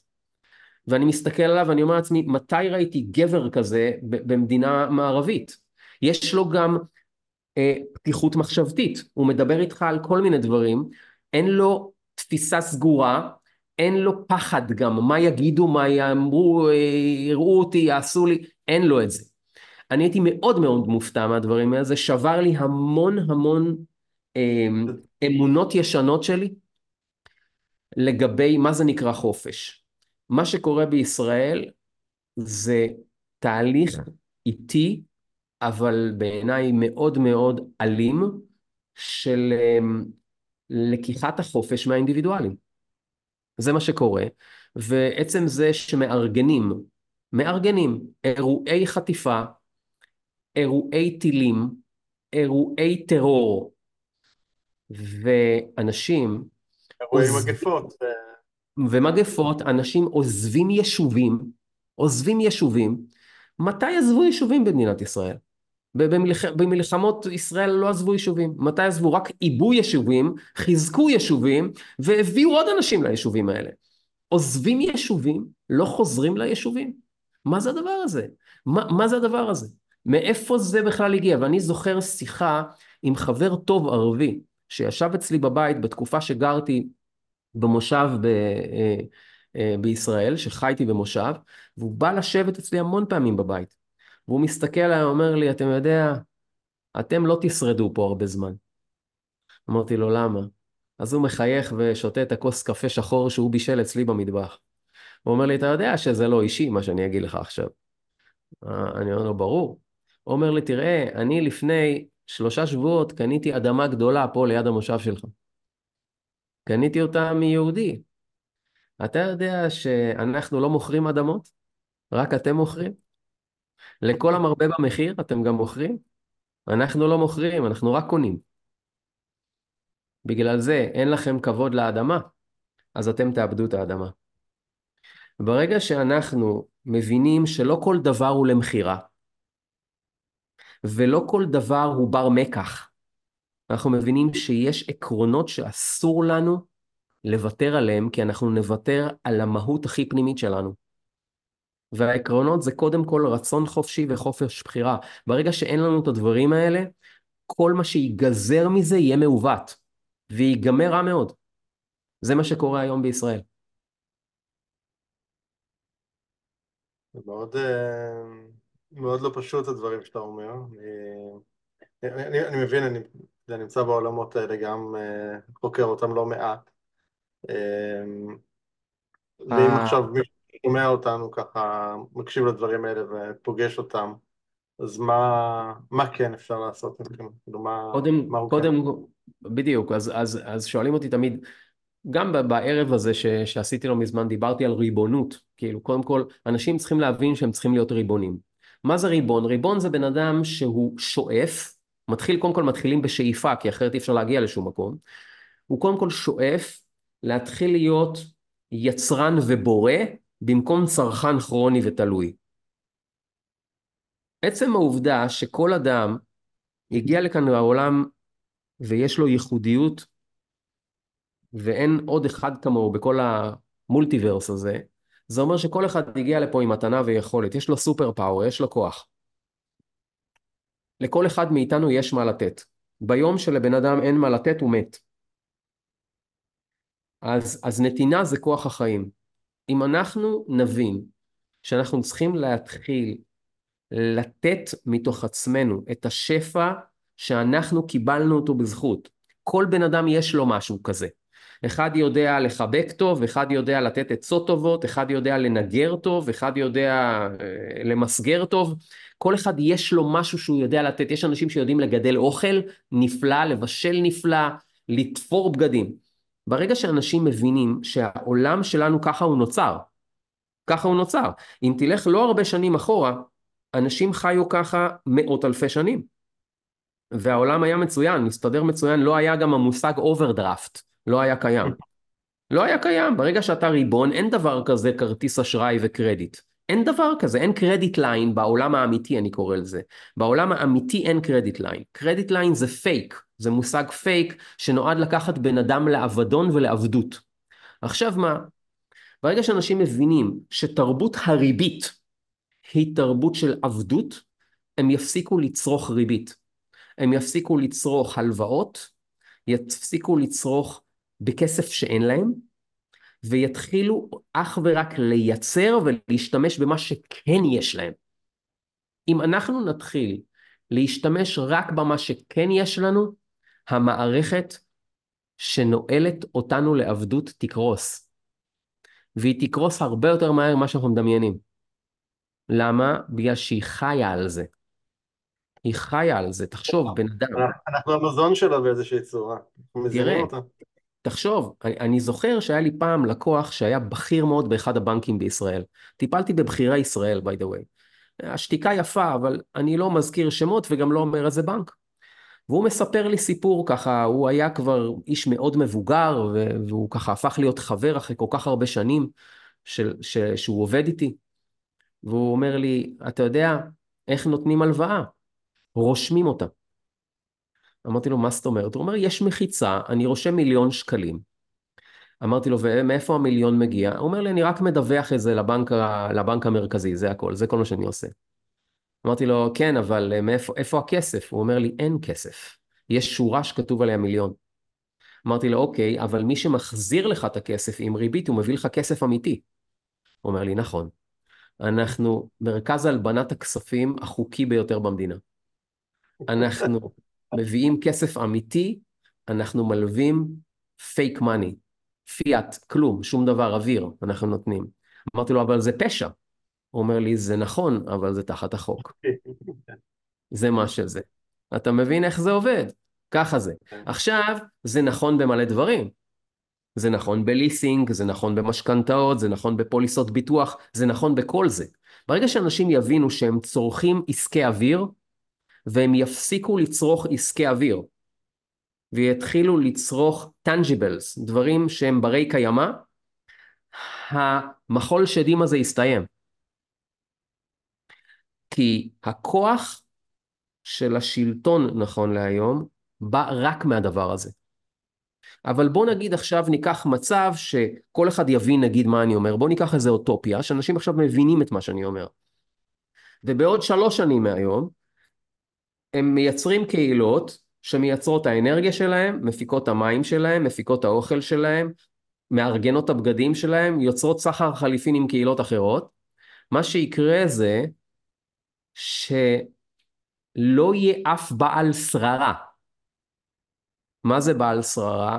זה בן אדם שקיבל תפקיד ומשתמש במשאבים מומצאים או משאבים שהם לא שלו, תחת הסכמה של נתיניו. ברגע שהדבר הזה יפסיק, לא יהיה משמעות בכלל לשיטור, לצבא, לא יהיה משמעות בכלל למערכות מוניטריות שהן נכון להיום לופטגשפט, מה שנקרא עסקי אוויר. לא יהיה לזה משמעות, ולכן גם לא יהיה משמעות לכל מה שאנחנו קוראים לו שלטון כמו שאנחנו תופסים אותו כרגע, אלא זה יהיה מה שאנחנו קוראים לו קואופרטיב, cooperation. מצב שבו אנשים מסתכלים אחד לשני בגובה העיניים כי כולם שווי ערך אמיתיים.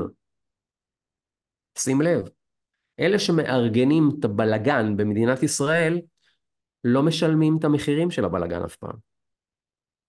הם אף פעם לא משלמים את המחירים של הבלגן. למה?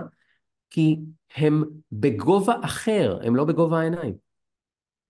הם לא נמצאים, מה שנקרא, ב-level של הנתינים. מה זה נתין? אחד שנתן את כוחו לגבוה. זה כל מה שזה.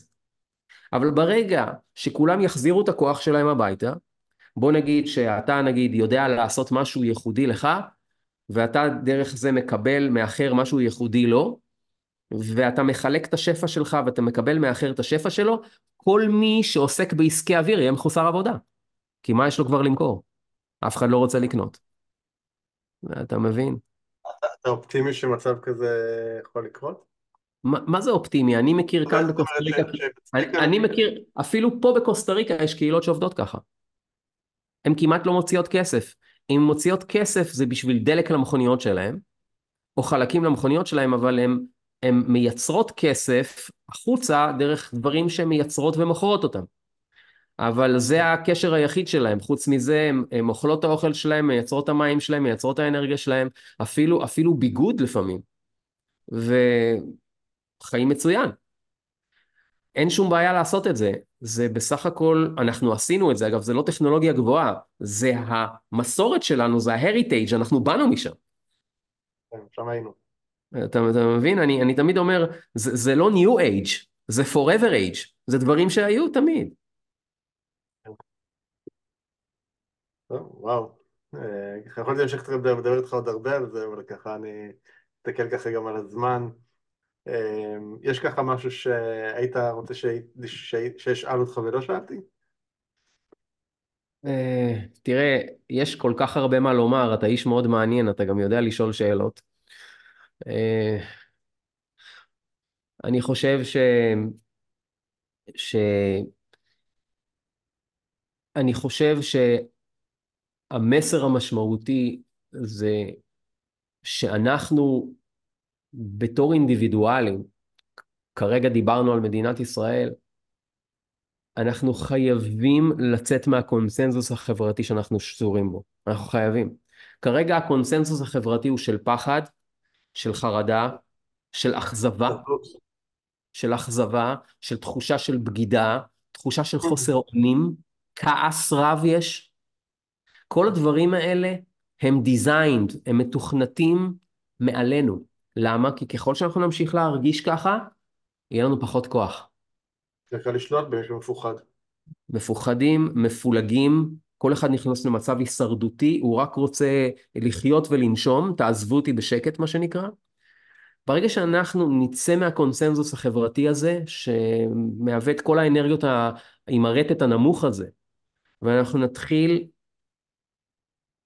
לאתר סביבנו אנשים שהם like minded, שהם חושבים כמו שעכשיו אמרתי, ולהתחיל להחזיר חזרה את הכוח. הדרך הכי חשובה לעשות את זה, או סליחה, השלב הכי חשוב לעשות את זה, זה להתנתק מהפידים. לזרוק את הטלוויזיות מהבית. דרך החלון, לא כדאי, זה יהרוג מישהו, אבל לחתוך בחוץ את הכבל, לשים בחוץ, להפסיק לצרוך תכנים בתשלום, הוט הרובוט, יסמן, כל הדברים האלה, צריך להוציא אותם החוצה ולהתחיל לייצר תכנים חברתיים. זה אומר שכל ערב אתה רוצה לראות משהו, תביא חברים הביתה ותדברו על העתיד שלכם. תביא חברים הביתה ותראו איך אנחנו מחר משנים את ההשכלה ואת החינוך של הילדים שלנו. איך אנחנו מוצאים מורה לילד שאנחנו רוצים לשבת בכיתה בעצמנו להקשיב. איך אנחנו לוקחים את השכן לדוגמה שהוא גאון בפיזיקה ומושיבים אותו מול הילד שלנו שילמד ממנו. ואיך אנחנו יושבים שם גם. זה נקרא בנייה של עתיד. כי הילדים שלנו שהיום דעתם נגנבה על ידי שלל מסכים שונים ומשונים, הם הולכים להיות הרובוטים של המחר של אותה מערכת שהיום נאבקת לשלוט עלינו. בעוד דור וחצי זה לא יהיה בשבילה בכלל מאבק, זה יהיה קל. זה בעצם אולי הדבר הכי חשוב ש, ש, שאני רוצה להגיד בהקשר הזה. זה, זה גנבת הדעת, זה להבין שצריך לעצור את תהליך גנבת הדעת עכשיו. כי כל דבר שהולך לצאת, כל עתיד שהולך להיות, הוא חייב קודם כל להתגלם כמחשבה ב mind. אין דבר כזה בעולם, איזשהו פרוצדורה, תהליך, חפץ או אירוע, שלא היה מאחוריו מחשבה. אם אנחנו לא נהנדס ב mind שלנו, כ mind חברתי, מחשבה חדשה, תודעה חדשה, לא יהיה לנו עתיד כזה. תודה. יש משהו שהיית רוצה לשאול אותי? לסיום. אה,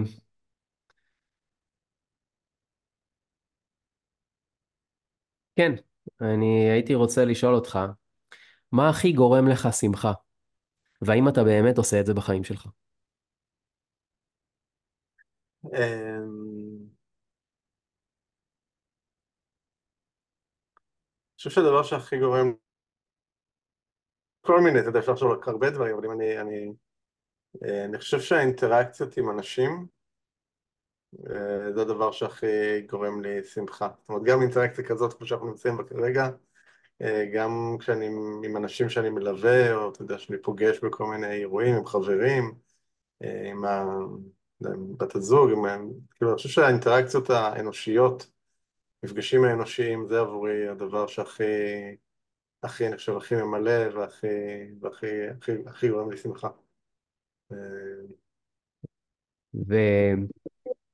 ואם עכשיו הייתי נותן לך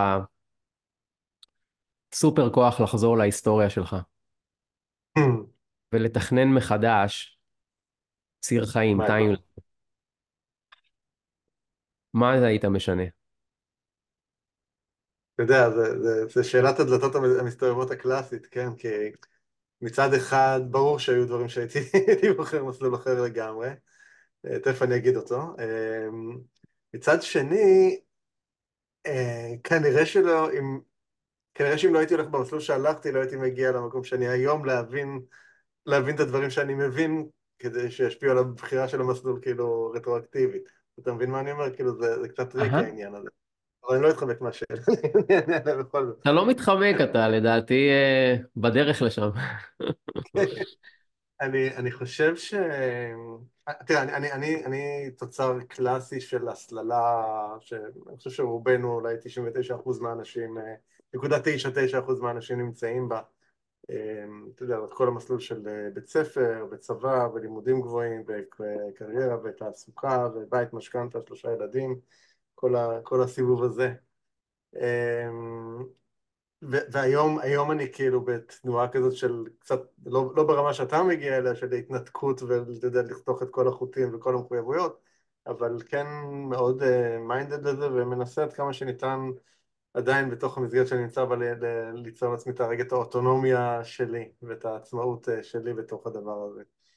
Uh, במיוחד סביב כל השליטה התודעתית שדיברנו עליה קודם. אז אני חושב שאם הייתי הולך, uh, בוחר מסלול חיים, וזה אגב מה שאני... גם לבנים שלי, יש לי שלושה בנים, 24, 21 ו-16 עוד מעט, וכאילו לא הייתי ממהר להיכנס למסלול הזה של, של לימודים, עבודה, בית, משכנתה, משפחה, ילדים. זאת אומרת, לי, לי לא היו שנות 20, כאילו כמו במובן הקלאסי שלהם, אוקיי? אני... כן, גם לי לא. אני ביום חמישי, יום חמישי הייתי בבקו"ם, גיל 21, ביום ראשון הייתי באוניברסיטה. ובסוף שבוע לא טיילתי.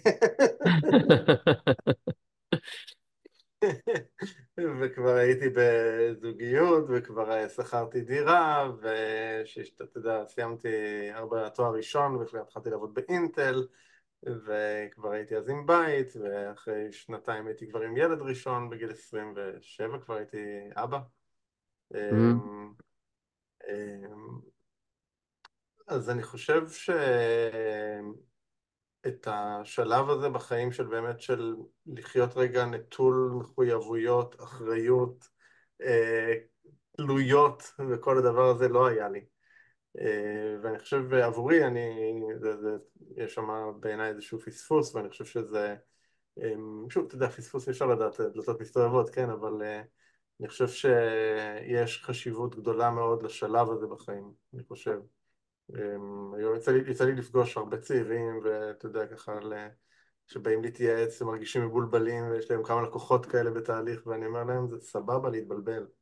כן. ממש ממש סבבה להתבלבל.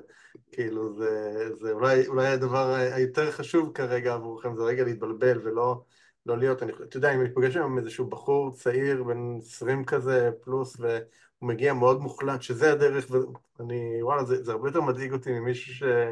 בגיל הזה קצת מבולבל ועוד לא יודע להחליט ולא יודע לבחור מעולה, לך תתנסה בדברים, לך תחווה, לך, ת, לך, לך תטעם, כאילו, וזה נכון על כל, אתה יודע, זה נכון על תעסוקה, וזה נכון על זוגיות, וזה נכון על, על מגורים, זה, זה נכון על כל היבט בחיים, כאילו, זה, אני חושב שאנחנו ו... מאוד מוסללים לדרך מאוד מסוימת שמובילה אותנו לשעבוד, כמו שתיארת. כן. זה... זה בעצם מה שלפחות אנחנו יושבים פחות או יותר על אותו דור, הילדים שלי הם פחות או יותר באותם גילאים. זה שלא לא חינכו אותנו לגלות את הלא ידוע. לא חינכו אותנו. זה, שזה בעצם אולי המנדט הכי חשוב פה בעולם הזה שלנו, זה לבוא ולהיות מגלי ארצות. אה, חינכו אותנו להיות יושבי כיסאות ולא מגלי ארצות. אה, עשיתי לפני, אה, בשנה החולפת, עשיתי איזשהו קורס אונליין מעניין לאנשים שמבקשים לבחור מחשב, אה, בחירות חדשות בחיים שלהם, לייצר גורל חדש בחיים שלהם, עתיד חדש, אבל שהוא לא תוצאה של חשיבה ישנה. כי הרי רוב הזמן, כל המסקנות שלנו לגבי העתיד באות מחשיבה של אתמול ושלשום. אנחנו הולכים לשכפל את העתיד שלנו באיזושהי צורה. ואיך אתה... שרוב החשיבה הזאת היא לא שלנו. שרוב החשיבה הזאת היא לא שלנו, היא חשיבה שהוסללנו אליה על ידי דורות. נכון מאוד, אוי, בדיוק. אז הגורל שלנו בעצם אפילו לא בידינו, הוא בעצם על ידי ישות חסרת פנים ולב, שיושבת לה על איזה ענן שאנחנו אפילו לא מסוגלים להגיע אליו. ואיך לשנות את התכנות הזה. אז, אה, אז אני זוכר שחלק מהפידבקים שקיבלתי על אנשים שעשו את זה ועשו את התהליך הזה אה, איתי ואחר כך, אה, אחרי זה עם עצמם, זה שהם בעצם גילו שכמו שאמרת, רוב החיים שלהם הם בכלל לא החליטו על כלום. הם פשוט הובלו תחת אצטלה של הם בחרו את זה. אבל הם בכלל לא בחרו כלום, הם, הם רק הובלו. והם הובלו באופן שיהיה להם נוח אם זה מספיק כדי שהם יסכימו. אבל זאת הייתה, אפשר להגיד, קנוניה מאוד שהם לקח להם 40 שנה לגלות אותה. אני לגמרי יכול להתחבר לזה.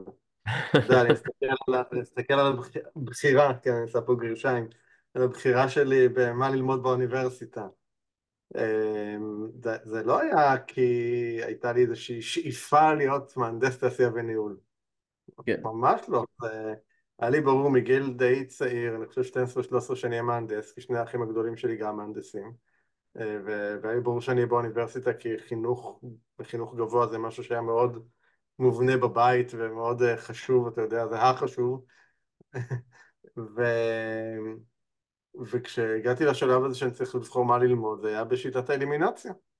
כאילו, אמרתי, הנדסת מכונות כמו האחים שלי הגדולים לא, לא עניין אותי.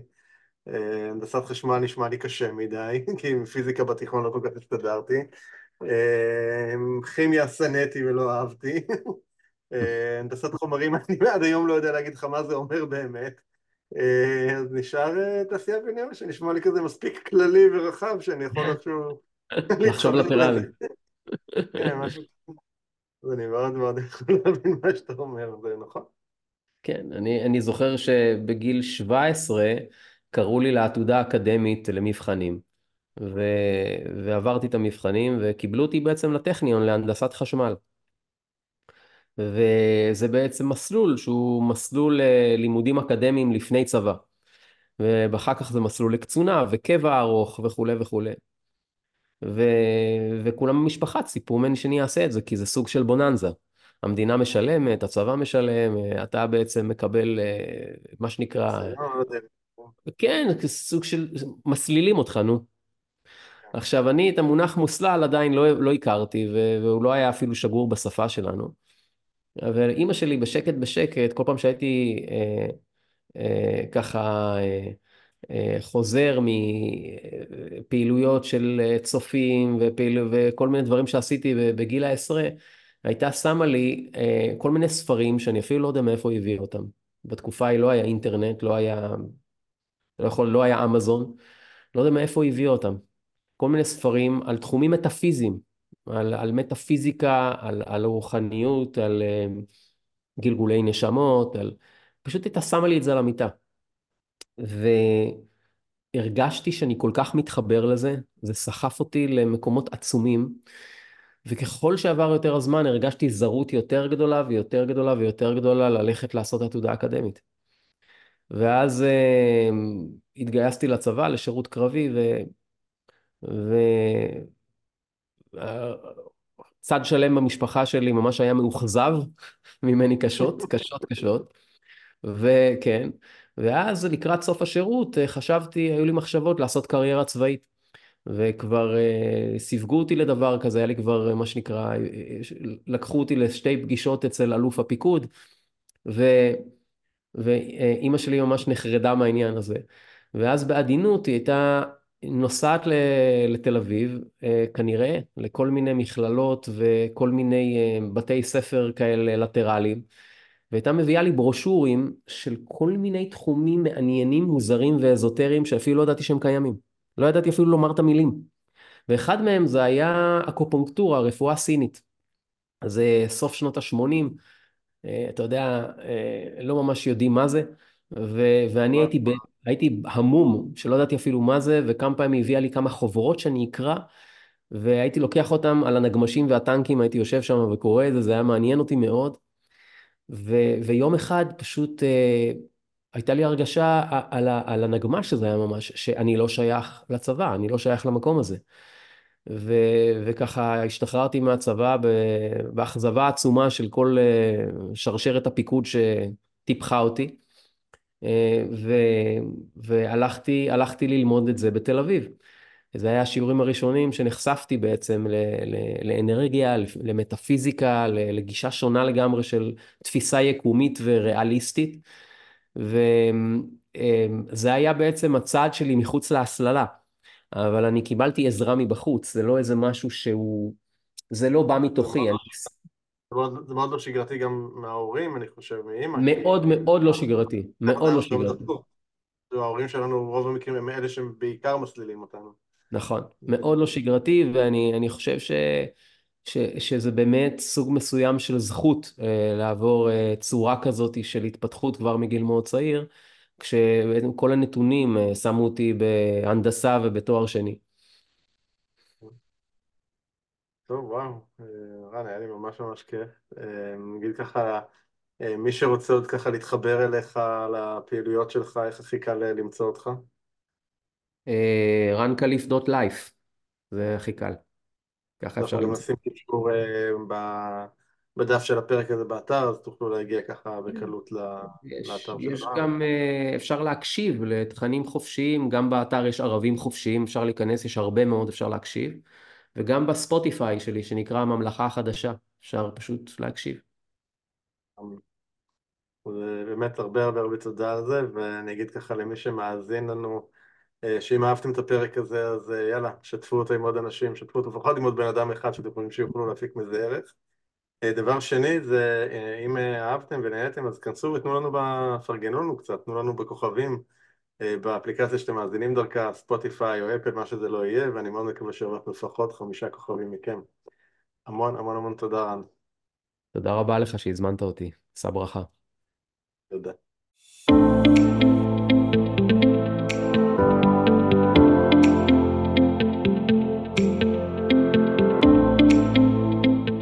זהו, עד כאן לפרק של היום. אם אהבתם את הפרק, אל תשכחו לדרג אותנו, אל תהיו קמצנים, תנו לנו כמה כוכבים, iTunes, Spotify, Google Podcast, YouTube, איפה שאתם לא מאזינים, אני מאוד מקווה שהרווחנו לפחות חמישה כוכבים מכם. תוכלו למצוא באתר הפודקאסט doingchange.co.il את כל הקישורים הרלוונטיים לפרק הזה. שם גם תוכלו להירשם לפודקאסט ולקבל מאיתנו תזכורת בכל פעם שעולה פרק חדש, וגם ממני הרבה מאוד תכנים מעניינים שקשורים לעולם השינוי, התפתחות אישית, עסקית וכל מה שאתם רוצים. פשוט תיכנסו לאתר doingchange.co.il ותוכלו לקבל הכל שם. אני מזמין אתכם גם לכתוב לי תגובות, מה אהבתם, את מי תרצו לשמוע בפרקים הבאים, או כל הערה והערה אחרת שיש לכם, מוזמנים לשלוח אליי ישירות למייל פידבק את ערנסטרן.co.il, פידבק את ערנסטרן.co.il, אפשר גם בפייסבוק שלי, facebook.com/ערן.סטרן, או באינסטגרם, פשוט חפשו ערן סטרן מילה אחת באינסטגרם. אם אהבתם את הפרק, אל תשאירו את כל הטוב הזה רק עבורכם. בטוח שיש לכם חברים שגם הם רוצים שינוי, שתפו איתם, שלחו להם את הפרק הזה. ומילה אחרונה, אם אתם מרגישים שהשינוי בוער בכם, החלטתם שאתם רוצים שינוי ומוכנים לעשות את מה שצריך, לא את מה שנוח, כדי ליצור את השינוי הזה בחיים שלכם, אני מזמין אתכם אולי להיעזר בי. זה יכול להיות בפגישת מיקוד חד פעמית שתעזור לכם להתמקד ולקבל כיוון או תהליך עמוק יותר.